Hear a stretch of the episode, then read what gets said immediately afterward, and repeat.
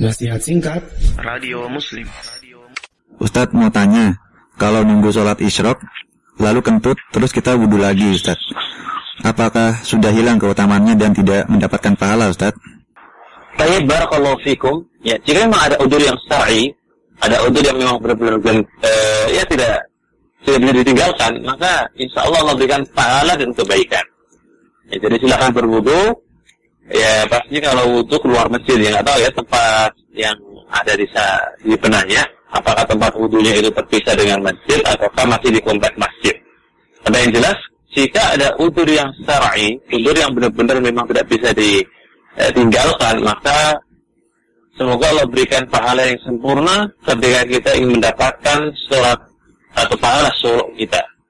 Ya, karena kondisinya memang penting dan tidak bisa kita tinggalkan. Nah, wallahu a'lam.